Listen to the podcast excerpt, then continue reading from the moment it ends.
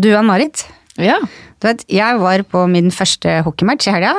var du? Ja, var det. Jeg var Interesserer du deg for det? Eh, nei, men jeg interesserer meg for nevøen min, og han spiller på Vålerenga Ja. U21, og iblant på A-laget. Så hadde jeg fri for en gangs skyld, og da tenkte jeg da blir jeg med og ser på en kamp. Og så sitter vi da ute og følger med, og de sklir rundt på isen, og jeg sitter jo, ser jo, selvfølgelig jeg er frisør, ser jo andre ting enn det andre legger merke til. Og så ser jeg en som har gullhjelm, en blant alle. Han fløy rundt på skøytebanen, var den eneste med gullhjelm, så tenkte jeg wow, så kult! De andre hadde jo sorte hjelmer, og jeg tror Lillehammer hadde hvite hjelmer. Og så ser jeg plutselig to med gullhjelm, så tenker jeg wow, du er to. Og så sier jeg til bestevenninna mi, da, sier jeg du, hvorfor er det ikke flere med gullhjelm her, det er jo så kult. Så hun bare nei, det er bare banens beste spiller på hvert lag, de som har mest poeng. Ah, det visste jeg ikke! ikke jeg heller. Så jeg lo av, så sa hva trodde du da? Så jeg bare jeg, jeg, jeg trodde at det var den som var mest kokk. Den som hadde egen smak, som bare shit, hvorfor skal jeg ha samme hjelm som alle andre? Det hadde jeg tenkt også. kjører en gullhjelm, jeg. Da lo de godt. Da fikk jeg lært noe nytt. Det synes jeg var. Fantastisk. Ja. Frisør på hockeymatch. Ja. Ja. Mm. Det skal jeg gjøre igjen. Absolutt.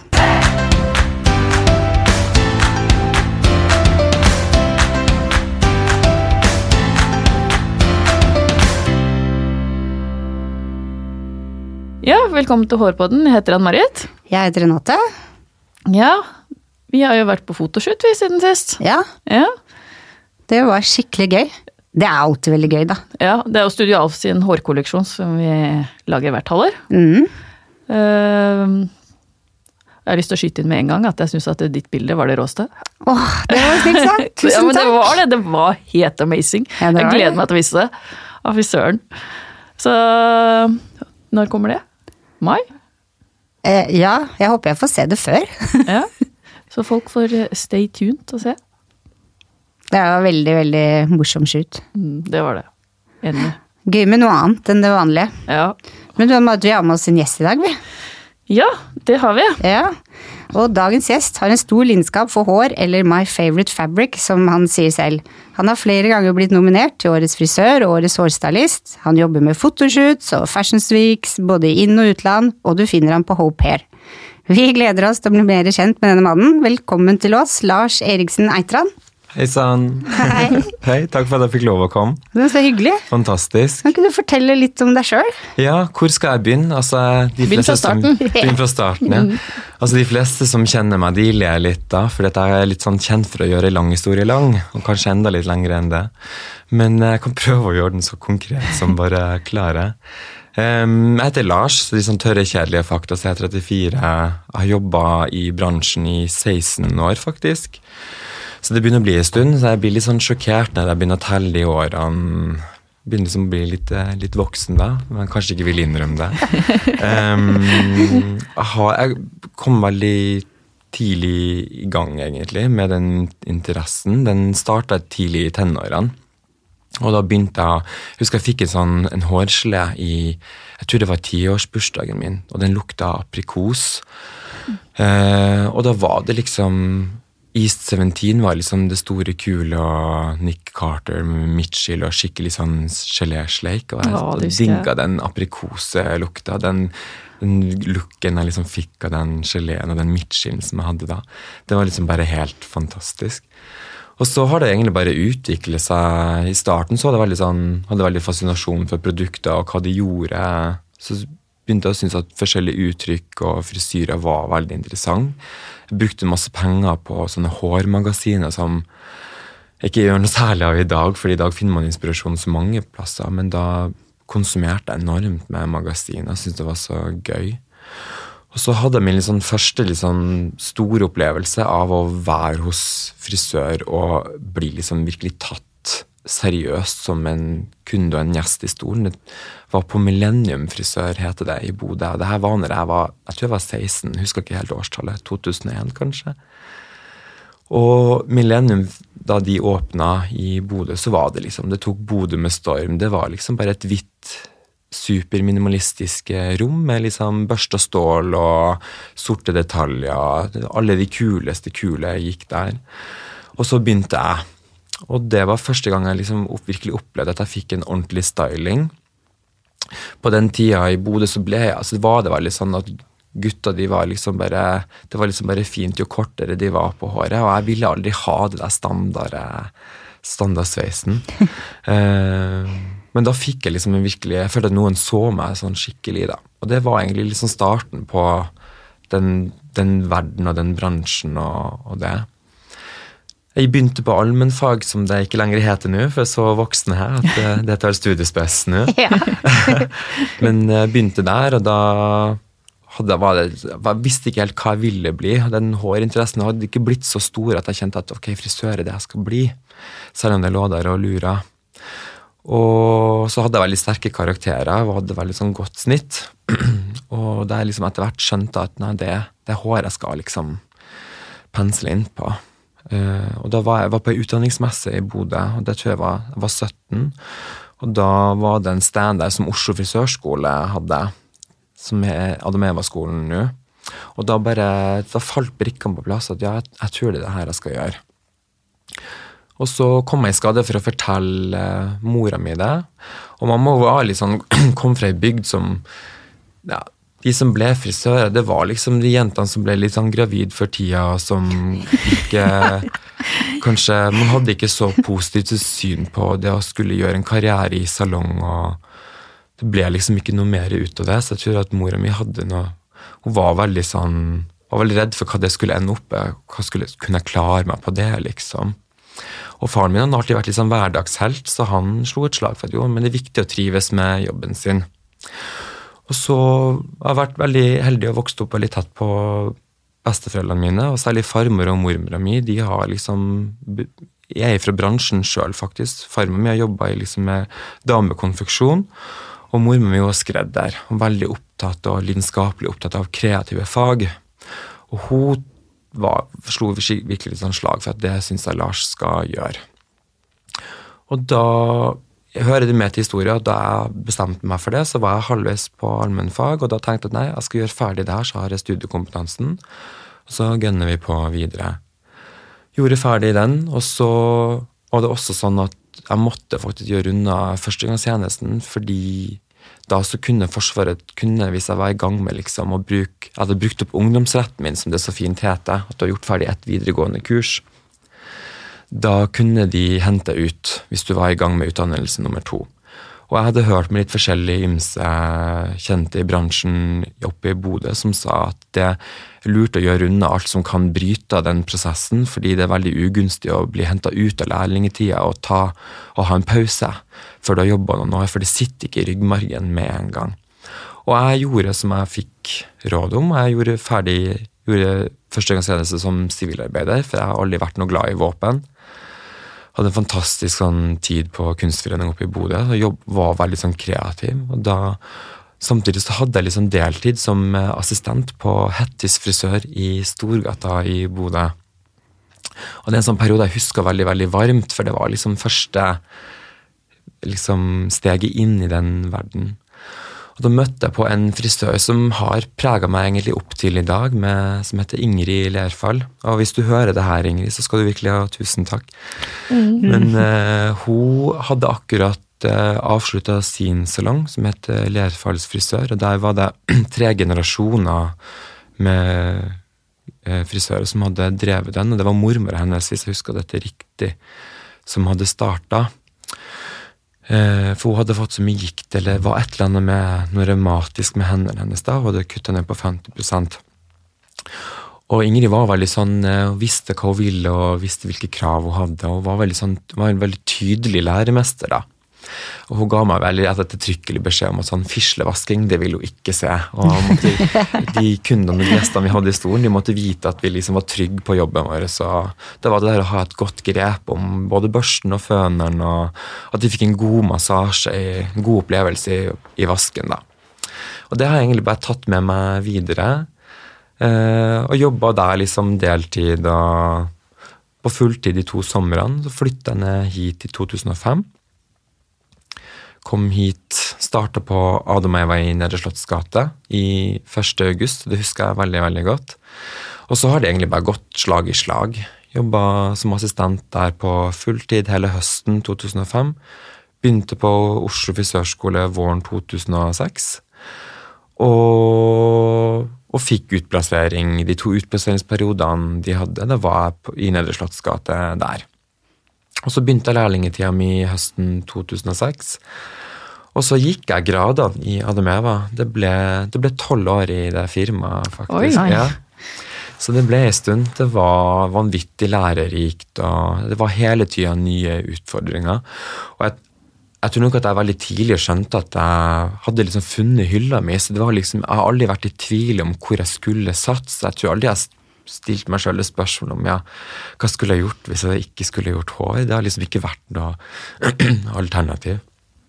Og det tenker jeg er litt, sånn, litt luksusen i bransjen vår. Da, at det er så mye du kan dypdykke inn i, og det er så mye fag å fokusere på at det er liksom ikke noe Det blir jo aldri kjedelig, liksom. Eh, og jeg, tidlig så satte jeg meg det målet at jeg skal jobbe så mye som mulig med hår. Det har alltid vært veldig viktig for meg. Og helst så lite admin som mulig.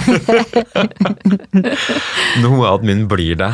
Eh, og jeg er veldig glad og setter veldig pris på de daglige lederne og de konsernlederne og de som tar seg av den enormt viktige biten som det faktisk utgjør, å drive butikk. fordi ellers så hadde ikke jeg kunnet vært en sånn kreativ fis, da, som jeg kaller meg, som fyker inn og ut av døra. Eh, så det ble tolv år i Admeva. Jeg gjorde en audition for dem på Akademiet i 2008. Og da begynte jeg å jobbe litt på akademiet deres. Begynte å assistere for Redken og de artistene som Admeva hadde fast for Redken fra 2006, tror jeg det var. Ble med på det nasjonale teamet til Redken i 2010. Og holdt kurs og inn- og utland og visninger. Det var Fashion Week da det eksisterte da. Og masse Jeg tror jeg, har mista tallet på hvor mange visninger jeg har vært teamleder på, men det har bare vært utrolig sånn spennende tid med Alltid fått bryne meg, alltid blitt utfordra. Og det har alltid vært veldig veldig viktig for meg. da, og Det der å være i utvikling. Og det også blir så faglig bred som overhodet mulig. Jeg vet jo at det er flere av kollegaene mine der ute som foretrekker liksom enten klipp eller farge eller styling eller brudeoppsett eller Men jeg liker å gjøre alt. Jeg syns det er Noen ganger så kjenner jeg på at det er svett. At jeg kjenner at å, dette er det en stund siden sist jeg gjorde bølgeføn, eller nå er det lenge siden jeg ruller opp klassisk på hårruller, eller ja, hvordan var den Marcel-opprullinga der? Men jeg tenker at det der å bryne seg og liksom Jeg føler at jeg hele tida er på en gymtime, liksom det gjør at jeg har, holder meg skjerpa. da. Det syns jeg er utrolig givende i forhold, i forhold, til det. Og så har jeg Kan jeg bare spørre ja, om en ting? Ja, for du, du, sier at du hele tida skal holde liksom, det oppdatert. Er det sånn at du tenker at ok, nå må jeg rulle opp, for det, jeg husker hvordan blir håret når jeg ruller opp sånn? Eller er det Adam. Eve som har sagt til deg at nå skal du øve på dette her, og lagt plan til deg? Eller har du selv liksom tatt ansvar for egen læring? Ja, Det var et veldig bra spørsmål. Altså, det ble en kombinasjon av begge deler. Altså, det jeg var veldig heldig i Ademeva, var at de hadde veldig sånn tydelig sånn, et utdanningsforløp. med De har forskjellige moduler du skal gjennom, og du går trinnene, liksom. Og de, og de hadde også treningskvelder som vi obligatorisk måtte være med på da. Uh, og det, jeg tror at det veldig tidlig gjorde at jeg fikk en sånn god vane på at det der å, å trene og holde seg oppdatert og det der å kanskje ta tak i en del disipliner som en stund siden sist du har gjort, det, det, det, fikk jeg veldig tidlig inn. Og det, passer, det, altså det, passer meg veldig godt som person, for jeg liker å føle at jeg husker det meste da. Og jeg kjenner jeg har litt dårlig samvittighet hvis det er enkelte ting det er lenge siden jeg har gjort, eller mm. ok, nå må du kanskje ta tak i det. Men det var veldig heldig å komme inn i et system hvor det var veldig sånn lagt opp til at det må du faktisk Det er en del av pakka, da. Mm. Og det har fulgt meg opp igjennom. at jeg, Å holde meg oppdatert. Jeg kjenner også på, ja, som sagt, at jeg, er det noe lenge siden sist, så må jeg egentlig ta, ta tak i det. Ja, kjempebra. Mm. Det er sikkert veldig mange der ute som hører på, som tenker det liksom ja, jeg vil bli best, men hvordan skal jeg bli det, liksom? Ja. Mm. Og det tror jeg også, hvis man skal liksom bli Jeg ler litt av det der å si at man blir best, for hva er det egentlig å bli best? Altså, og hva er det å bli best i forhold til? Og det kommer sånn på hvem man måler seg med, og på er det uttrykket du ser på, er det teknikken, eller er det den kreative helheten? Men liksom, hvis jeg skal bli den beste utgaven av seg sjøl i de forskjellige tingene, så tror jeg at en veldig sånn, viktig sånn, nøkkel til det, det er å ta tak i det du var lenge siden du har gjort sist, eller der du kanskje vet at du kommer litt til kort. da. Mm. Men for meg så har det vært veldig viktig. Hvis du skal være god på noe, sånn er det jo med idrett òg, så mm. må du jo trene og trene og trene og trene ja. hele tiden. Utfordre mm. deg. Absolutt. Det... Og det, jeg tror Vi kommer aldri til å komme unna at det er jo et, altså det er jo et håndverk, og det er jo et, sånn sett er det et fysisk utøvende håndverk. og Derfor så er man Man mm. må altså Muskulaturen husker ikke alt. Eh, og den finmotorikken den må man faktisk holde ved like. Så jeg tror det er viktig. jeg tror det for, Både for å ha, ha, gleden ved å jobbe med det, og det å holde en høy kvalitet og høy standard på det man leverer, så tror jeg det er viktig. ja. Absolutt. Og så Noen ganger så kan du jo gjøre det kjempebra, og så prøver du neste gang, så funker det ikke. Mm. Ja, ja, ja. Det er jo sånn det er. Ja, det er det. Jeg har jo tenkt at jeg bare sånn Lars, hva er det du holder på med? det har jeg jo mange ganger òg. eh, det skjer ofte. Men det som jeg merker som er litt sånn, kanskje altså sånn, det fine med at når man har jobba noen år, så bare sånn Hvis du ender opp med at du gjør en lille ettervekst, den skulle bare bli litt ask og litt kald, så vet du hva du skal gjøre for å rette opp igjen. det er sant. så det tror jeg man kommer til å ha noen sånne skjær i sjøen underveis. Absolutt. Mm. Det er sånn man lærer, er det ikke det? Absolutt. Men du heter jo My Favorite Fabric på Instagram. Mm. Kan ikke du fortelle om det? Ja. Det er jo litt sånn, eh, litt sånn, litt sånn personlig, egentlig. Jeg har jo mormoren min som jeg hadde et veldig sånn tett forhold til. Hun var, var skredder og syerske, som det så fint heter da. Og hun var veldig opptatt av, og jeg spurte henne veldig mye om forskjellige tekstiler og stoffer når jeg var liten. Jeg, jeg, var jeg var så nysgjerrig på det måten hun jobba på. Jeg husker veldig ofte at når vi var på styrrommet der og leka med liksom, de dukkene hun hadde, og liksom, forskjellige tøybiter, og sånn, så snakka vi om de tingene der. Og da var jeg veldig opptatt av at ulike materialer har ulike egenskaper, både i forhold til hvordan de, de folder seg, og ulike stivhetsgrader, måter å lage ja, hvordan ull også jobber. Og hun hadde også eh, tåverske, eller å drive med toving og filting da, i, i, ull. Det var liksom kanskje det som var hjertebarnet hennes. da. Og det, for av dere der ute som kjenner til filting og toving, så vet man at eh, man kan bearbeide ull på veldig mange forskjellige måter. Alt ettersom du gjør det med grønnsåpe eller ikke, eller sjampo eller vann, eller om du koker det, eller om du Ja. Eh, og hun kunne så mye om det, så, skjønte jeg etter hvert da jeg kom inn i, mitt, i det faget jeg holder på med i dag. Da, så det er veldig mange likheter der. Fellestrekk. Fellestrekk, mm. ja. Og det syns jeg er så spennende som hår, at det er tekstil som er så utrolig individuelt. Både hvem det sitter på, men også liksom bare i Altså i den kvaliteten det tekstilet har i seg sjøl. Er det krøller, er det bølger? Hvor slitt er det? Hvordan er det behandla? Hvilket liv har det levd på det hodet til den som bærer det? Altså Alle de tingene der, det preger det. Så det, det tover det ulike veier, da. Og kreativt så gir det liksom ulike spillerom. Så det har liksom blitt eh, mitt favoritttekstil, da. Så derfor så kom det navnet på den bloggen og den Instagrammen som det senere ble. Mm. Fantastisk navn. Så hyggelig. Ja, Skikkelig fin historie òg. Kjempe... Da har du tova noe sjøl? Ja, jeg har ganske mye, faktisk. Ja, Det har jeg gjort òg. Det, det er veldig gøy. Mm. Sånn sitteunderlag og sånn. Ja, Det er krevende prosess, men ja. det blir utrolig slitesterkt. Mm. Mm. Jeg har brukt grønnsåpe, da. Ja, det er det jeg har brukt sjøl. Mm. Ja. Stort sett. Det vært et par andre ting hun også brukte på. Men det var så avanserte ting, og da var det flere lange prosesser, så det hadde jeg aldri noe tålmodighet med som liten. Så det var jeg ikke så opptatt av. Men grønnsuppe, det, det funka, det. Men du har jo vært nominert flere ganger i Årets frisør og Årets stylist. Blir... Ja, så hyggelig at du nevner det. det. Det har blitt noen nominasjoner etter hvert. Blir det flere? Ja, altså sånn, jeg, altså jeg har alltid når jeg har fått spørsmål opp igjennom sånn, ja, er det, er det en mål for deg å vinne? Altså, det har det faktisk aldri vært. Eh, det jeg skjønte etter hvert når jeg kom inn i og ble etablert og hadde mye å gjøre, så skjønte jeg at det, det kunne gå lenge mellom de veldig kreative prosjektene. Og første året jeg skulle sende inn til årets lærling, så krasja det så Det, det gikk så innmari på, på ræv, som vi sier nordpå, at jeg fikk ikke engang levert inn bildene fordi fotografen hadde lagra de filene i et feil format. Oi. Eh, Så det ble skikkelig nedtur. Jeg hadde jo brukt penger og vanvittig mye tid, og det ble liksom ingenting. Men da bare satte jeg meg det som mål at jeg skal, jeg skal levere det inn én gang i året.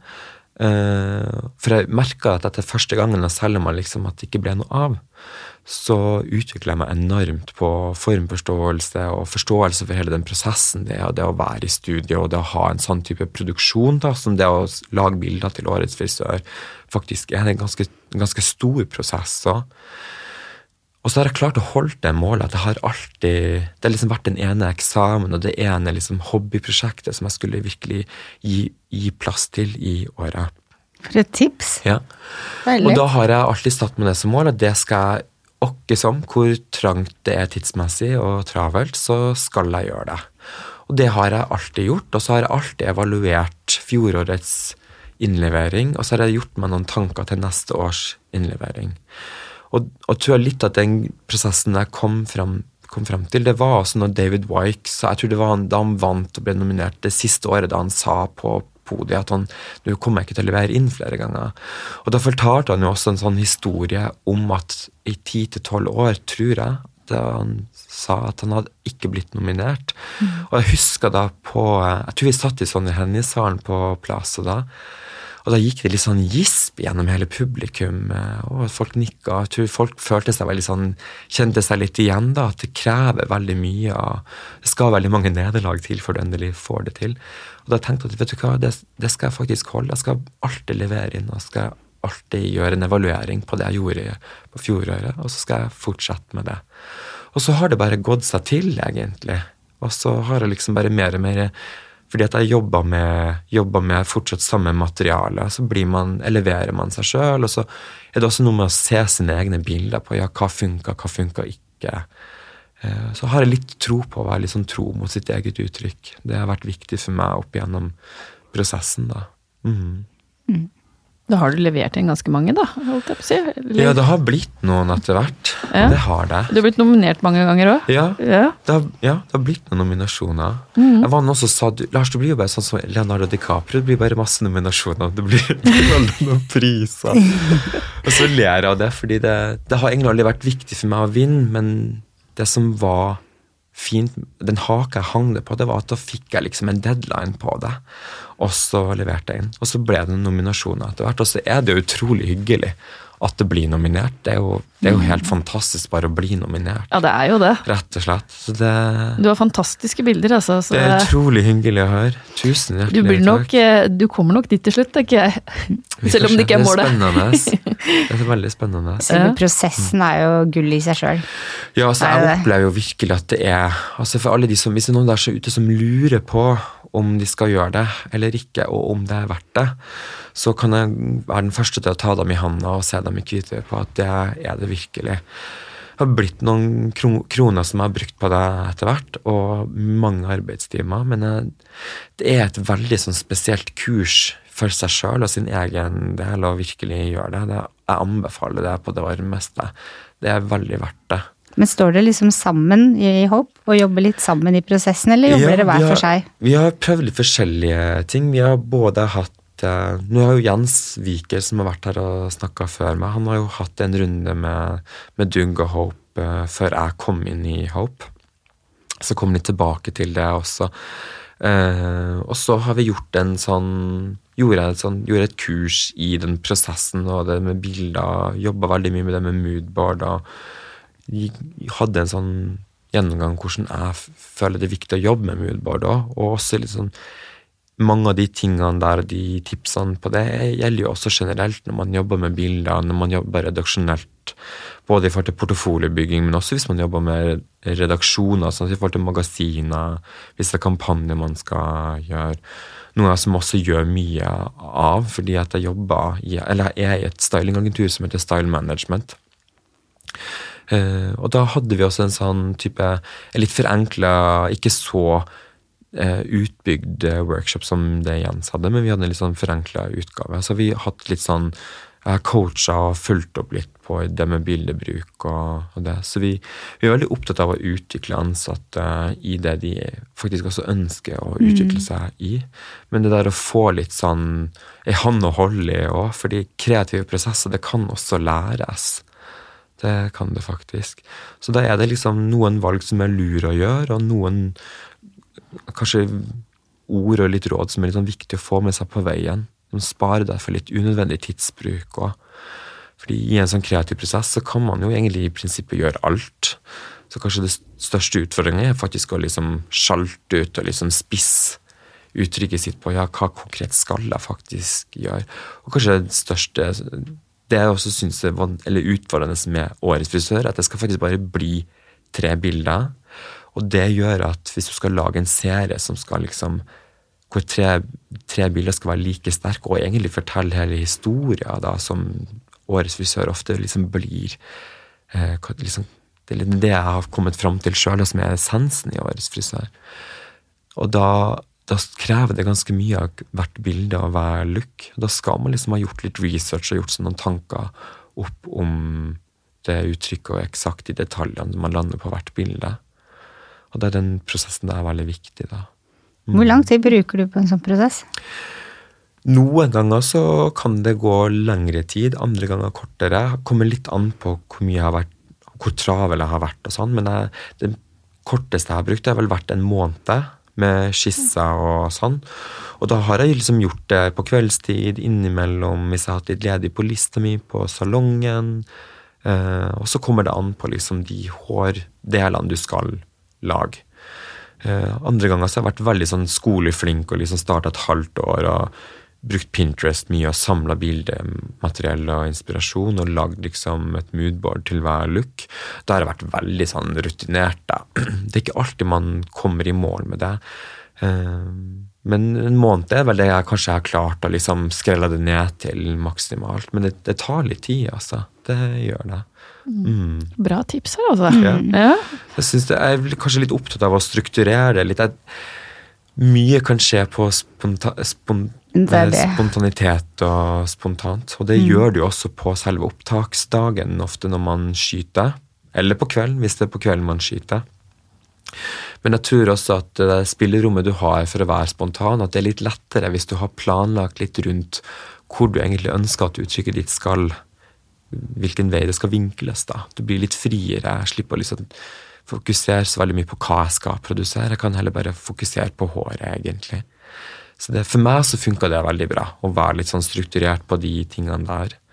Det, det gjør det.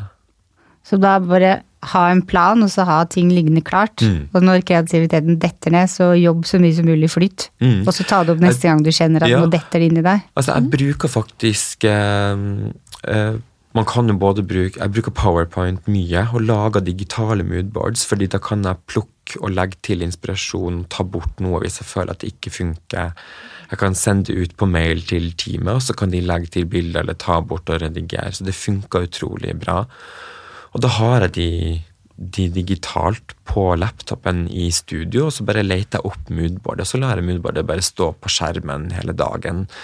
Eh, eller den tida mens jeg jobber. Og det syns jeg funka utrolig bra for meg.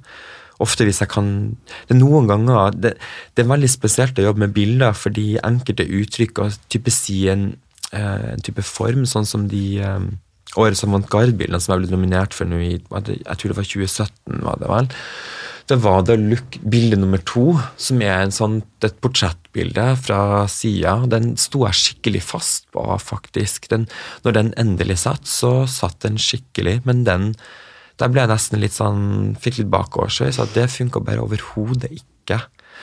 Men jeg visste jo fordi jeg hadde moonboard, sånn, så visste jeg hvilken type variasjon jeg skulle ha av type vinkler, sånn, for å gi den serien på tre bilder litt variasjon.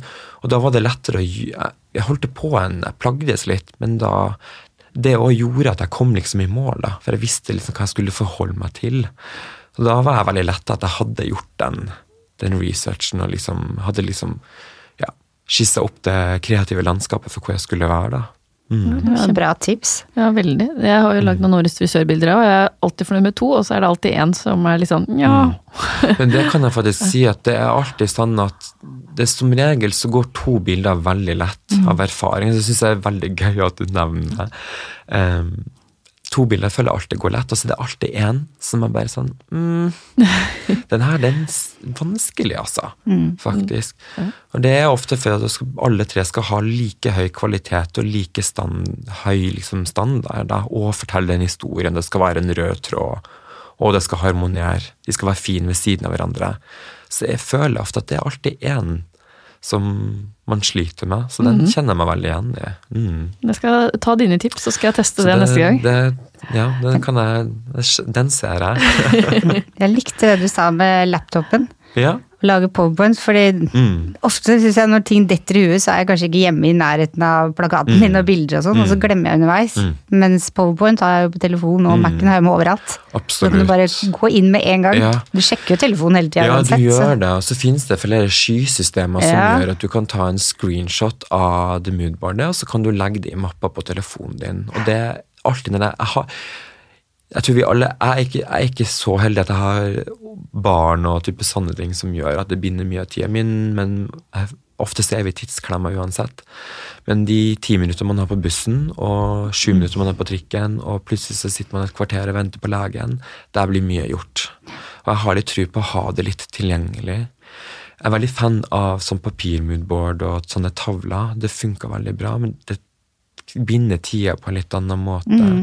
Så det beste tipset jeg har der, hvis dere ønsker å ha Vi er jo alle forskjellige. Noen har veldig behov for at det er fysisk på en vegg. Så finnes det sånne magnettavler man kan kjøpe på Claes Olsson eller på Ikea, og magneter. Og så kan man bytte ut og flippe rundt på og gjøre moodboards på de. Det funker også utrolig bra. Så for meg så funker det veldig bra å bare ha inspirasjon i nærheten. Jeg kan finne på å legge et moodboard til årets frisør opp på bakgrunnen på laptopen, sånn at jeg har det Det ligger på skrivebordet, men så jeg ser det når jeg er innom og sjekker mail og sånne ting, og så kanskje jobber jeg liksom mentalt med det i underbevisstheten min. Og så kan du vel egentlig printe det ut òg. Ja, Fester opp på kjøleskap du- ja. og spisebord, og, Mm. sånn at du alltid kan notere, egentlig. Det kan du absolutt gjøre. Og skrive, jeg skriver masse notater på det, og det er viktig. Det er ikke alltid man husker eksakt alle ideene sine, og jeg merker særlig på opptak også, når det kanskje bobler over, og jeg er helt som en sånn unge på sett, jeg blir superdistré. Jeg, må, jeg må, har alltid med meg en assistent som bare er sånn, I, du, i dag er det du som er hodet, og så må jeg bare være den der rare som bare fyker rundt, for jeg, jeg glemmer det meste. Nesten hva jeg heter. Men jeg tror man blir så konsentrert om Du går så inn i håret og den prosessen at du, du puster deg med hud og hår. Og det, det må man egentlig litt òg for å få det til, faktisk. Mm. Men det er jo det som er deilig, å Ja, jobbe i er flyt. Bare glemme alt. Bli helt rusa på det. Mm, det det. helt rusa. Mm. Og så er det alltid svett når det står på, men uh, veldig deilig når det, når det er over. Og Der har jeg faktisk et lite tips òg. Hvis man skal gjøre bilder til alle tre kategoriene, eller du, ja, nå er det bare to, da. Nå er jeg veldig spent på det nye oppsettet som kommer. De har, NFB har jo ikke sagt noe ennå. Men jeg har jo levert inn til årets, eh, årets frisør, og nå var jo årets herrefrisør og, og årets avantgarde. Og jeg gjør alltid årets avantgarde først. For det er den jeg syns er mest krevende å gjøre. Og da er jeg liksom ferdig med det verste. Og da blir de andre to de er liksom lekende lett. Så hvis det er mulig å også liksom planlegge, så gjør den verste først. Avantgarde. Ja. Det er nesten så mye lettere og takknemlig, egentlig. Så du leverer den til alle tre, du? Jeg prøver på det. det er Oi, også wow. liksom, ja, så jeg gir meg jo litt sånn ris til egen bak òg. Det blir jo mye. Så da skjønner jeg godt at du må ha en måned. Ja, jeg blir jo svett av meg sjøl. Og så er det det, ja, det er svett når det står på. Ja, ja, det. Ja. Ja, og det er Og så veldig lærdom. forskjellige kategorier, så jeg merker at man Det er et forskjellig univers på hver av de. Eh, så det, og derfor så har jeg ikke Jeg føler at jeg går glipp av en sjanse til å lære noe hvis jeg ikke leverer. Så det er der jeg liksom kjenner på det drivet at det har Det er ikke det at jeg føler at det er noen tvang, men det gir meg så mye å gjøre det, da. Så det er derfor jeg liksom passer meg sjøl til å liksom Ja da, kom igjen, Lars. Det blir i år òg. det gjør det. Mm. Uh. Men du gjør jo mer enn årets frisør. Hva? Du er jo på fotoshoots både innland og utland. Ja, jeg er litt sånn trebeint, egentlig. Jeg har jo um, Jeg jobber jo jobber i salong bak stolen.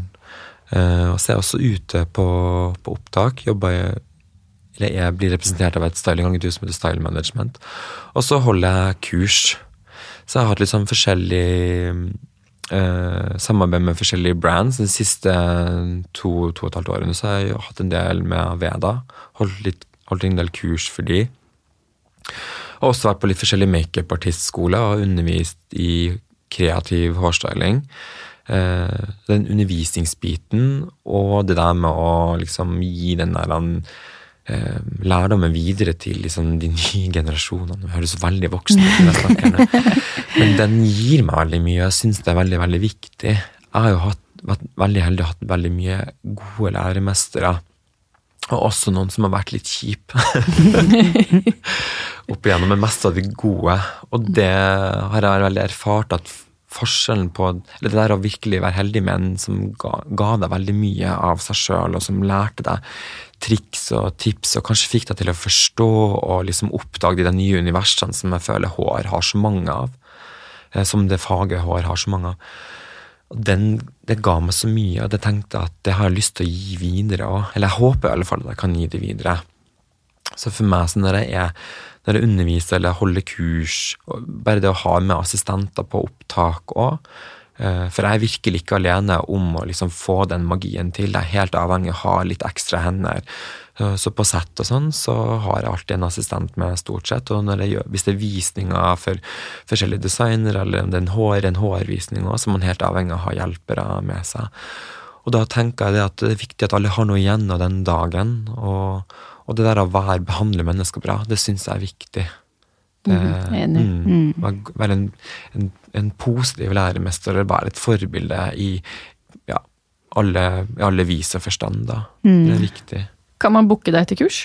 Ja. Ja, man kan absolutt, det. Så det er ikke bare Hope som har gleden av å ha det? Nei, det er åpent for uh, absolutt. Det er, det er fritt, uh, fritt, uh, fritt, løp, eller hva jeg skal kalle det. Det er bare å ta kontakt. Jeg, det sier jeg alltid når jeg er ute og rundt forbi. og Hvis dere sliter med liksom, det type prep, eller hvordan man skal gjøre en brudestyling, eller hvis det er ting eller hår man har en utfordring på, en, ta en skjermdump eller ta et bilde av det, og så send meg på Instagrammen min.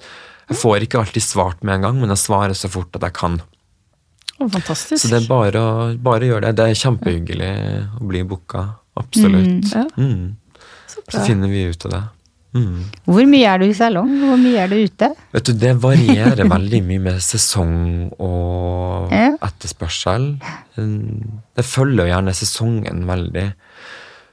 August og desember, som er liksom hva jeg skal kalle det, produksjonsmessig sånn der ute i liksom reklame og den redaksjonelle bransjen, som er litt sånn roligere, da er jeg mer i salong. Da er det mye, det er alltid et uh, sommerrush etter både juni og august. Det er mye i salong. Da er det mindre som skjer ute. Uh, og da er det liksom det sommerrushet og det der fellesferierushet som kommer. Og så kommer kursene i gang fra september. Fashion Week reiser jeg alltid på. Da er det liksom september og februar som er liksom de store månedene der. Og det er, det, det er i hvert fall borte tre uker. Så det er det sånn et rush i august, og så flyr jeg ut, og så kommer jeg tilbake etter to til tre uker, så det er et nytt rush, fordi da har folk venta. Og så er jeg veldig sånn fleksibel, egentlig. Høsten kan jo være liksom både det ene og det andre med kurs og ute, og så det er mye i salongen. Og så etter hvert som jula nærmer, nærmer seg, så er jeg mer og mer i salong. Og så blir det verre og verre å få plass til, til andre ting. da. Så nå så føler jeg at nå, jeg står liksom på tre bein. Det er liksom det med kurs og den stylingjobbinga ute med agenturet, altså de i salongen. Og så har jeg sett at de der høye- og lavkonjunkturene gjør at det jevner seg liksom ut da, sånn generelt. Så det er, det er liksom høy puls sånn jevnt over. Det er bare hva det slags gir mm. man skifter inn på, eller vei man skifter inn på. da. En perfekt mm. Har du ferie noen gang? Ja, altså jeg har Før så prøvde jeg alltid å utsette den ferien, men da endte det opp med at det, det ble ikke ferie før til jul. og da kjente jeg at det, det var to, eh, to, sesonger jeg gjorde det. Da kjente jeg at Lars, det, det blir litt mye. Og da mor mi ble ordentlig bekymra da. Uh, Så da prøver jeg å ta fri i juli. Det skal, det skal være noe veldig spesielt for at jeg ikke At jeg kanskje tar én dag med hvis det er musikkvideo eller det et eller annet. Da kan jeg si ja. Det skal være noe veldig spesielt for at jeg bryter av. Prøv å holde det litt hellig. Ja, så bra. Og så er det til jul, og så er det påske, da. Som er liksom Men det er perioder jeg jobber sju dager i uka. Det kan fort skje. Mm. Men har du noen tips til unge talenter som vil gå din Ja. vei? Veldig bra spørsmål. Og det må jeg bare si sånn som Her kommer sånn eh, Noe jeg lærte av mormora mi, som hun delte med meg da jeg var 14, og det syns jeg er så utrolig fint. Og hun eh, sa at livet er veldig ofte som en buss, en rutebuss. og da snakka jeg ikke om en stå og vent på 21-bussen i Oslo som kommer hvert tredje til sjuende minutt. Men Hvis du er på bygda, da, sånn som eh, kanskje vi flere av oss har erfaring med, det kommer kanskje en buss i timen eller, eller to hvis du henger i. Så, så venter du, og noen ganger så venter, venter, venter du, og det er liksom det, ti minutter, et kvarter over tida den egentlig skulle vært. Og så tenkte jeg herregud, her har jeg mista den bussen. Og så kommer den plutselig. Og noen ganger så er du faktisk ute i god tid på vei, og så ser du plutselig bussen komme. Da må du faktisk løpe for å rekke ned til busstoppet. Og hun sammenligner ofte livet med Og, og litt karriere, faktisk. Jeg skjønte jo at det var det hun hinta litt til. Det kommer, de sjansene de kommer ikke alltid når det passer oss best. Noen ganger så må du vente litt på det, og du blir kanskje litt urolig for at ja, men skal ikke jeg få lov, eller når kommer min tur? Og noen ganger så må du faktisk ta den sjansen når han byr seg, og du må kanskje flytte på litt ting, eller gjøre gjør plass til det. Wow. Avtaler og sånne ting. Og da, men jeg har veldig tro på å ta de sjansene når de kommer. Og nøkkelen til liksom Jeg er ikke så glad i å si at jeg har, at jeg har suksess, men jeg får, jeg får av og til det spørsmålet liksom, hva er nøkkelen til suksess. Men i hvert fall nøkkelen til at jeg, har, at jeg har gått framover for min del, at jeg har tatt de sjansene som har bydd seg. Eh, og det føler jeg at gjør at jeg, at jeg står og, og sitter her jeg sitter i dag. Da. At jeg har faktisk tatt de sjansene som bydde seg, og ikke alltid på de mest eh, ideelle tidspunktene. da. Veldig bra metafor. Ja, veldig. Så det er det beste, det beste tipset.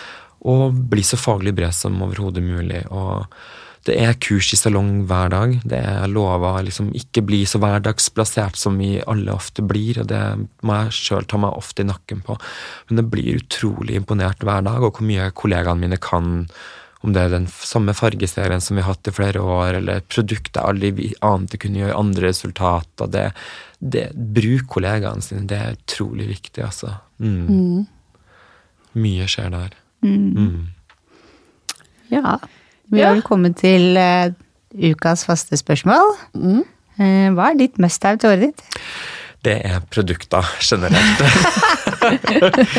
det håret mitt det gjør ingenting hvis jeg ikke bruker noe på det. Jeg bruker mye forskjellig, og jeg har brukt mye forskjellig opp igjennom, men sånn generelt at det er en god teksturspray og, og en paste. Og så må variere det alltid med hva man bruker med sjampo. Jeg har en veldig sånn, en sensitiv hodebunn som reagerer, og som både flasser, og den klør, og den blir både fet og tørr. Og, så det må jeg bruke litt forskjellig, men jeg er veldig avhengig av en sjampo som i en eller annen grad respekterer hodebunnen. Og så ja, så god tekstur, god, en god sjampo og god tek teksturspray og en paste. Det kommer jeg langt med. Mm, og tørrsjampo. Mm. De Hva- fire. Mm. Ja, fire produkter. Ja.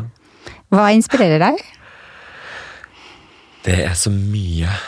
Det er nesten det som er litt vanskelig, at det er um, så mange ting å hente. Jeg syns det er veldig gøy å se en kollega som gjør det. Altså, vi, I Norge vi, altså, vi har så utrolig mye dyktige kollegaer der ute. Og det er liksom både i, altså Inhouse i Hope er det flere som inspirerer meg. også der ute. Vi har masse artister som gjør det veldig veldig bra i inn- og utland. Og Norge gjør seg utrolig sånn bemerka.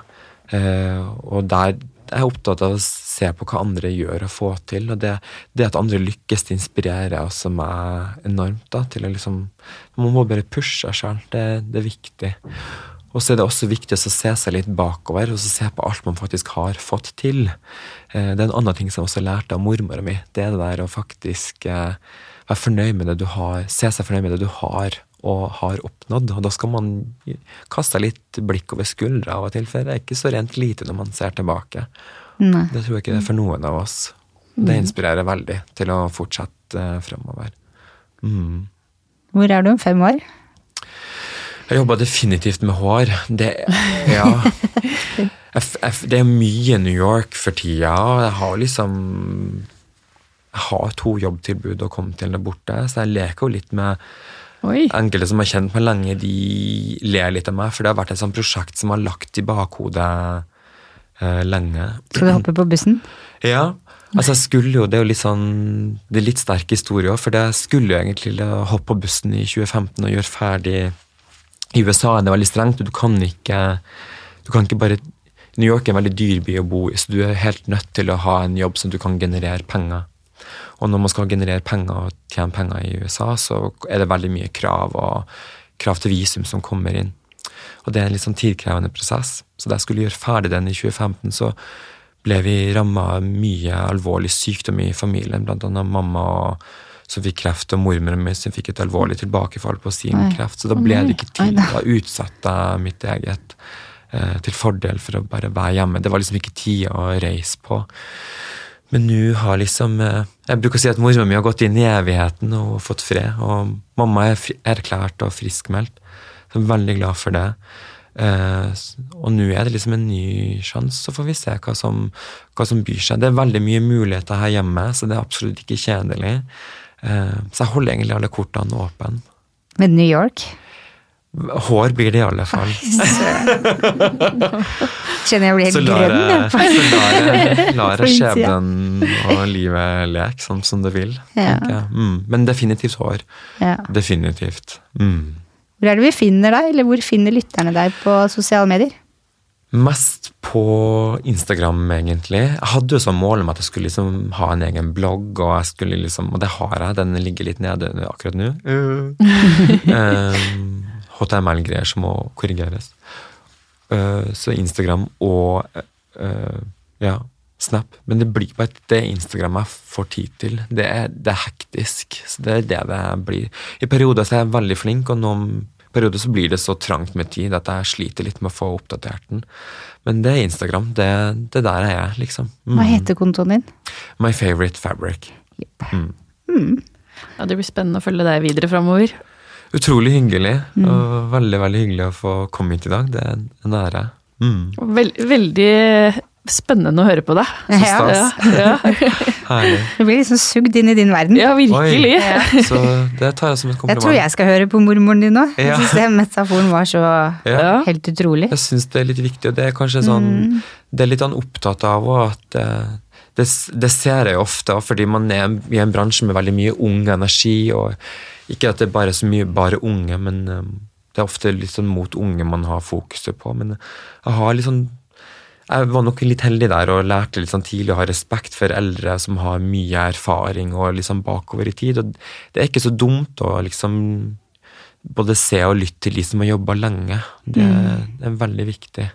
Og de jeg har hatt, både i bransjen, hatt de rundt meg, og jeg spør de stadig om råd. Det gjør jeg faktisk. Så det Se, se til de som har vært der i lang, lang, periode, lang tid før deg òg. Det tror jeg er viktig.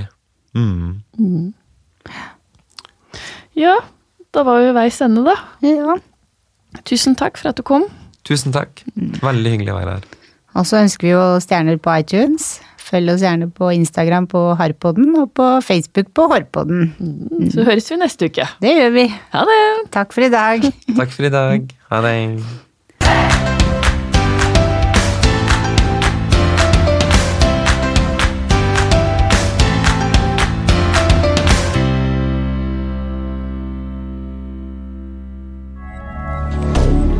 Moderne media. Har du et enkeltpersonforetak eller en liten bedrift? Da er du sikkert lei av å høre meg snakke om hvor enkelt det er med kvitteringer og bilag i fiken, så vi eh, gir oss her, vi. Fordi vi liker enkelt. Fiken superenkelt regnskap.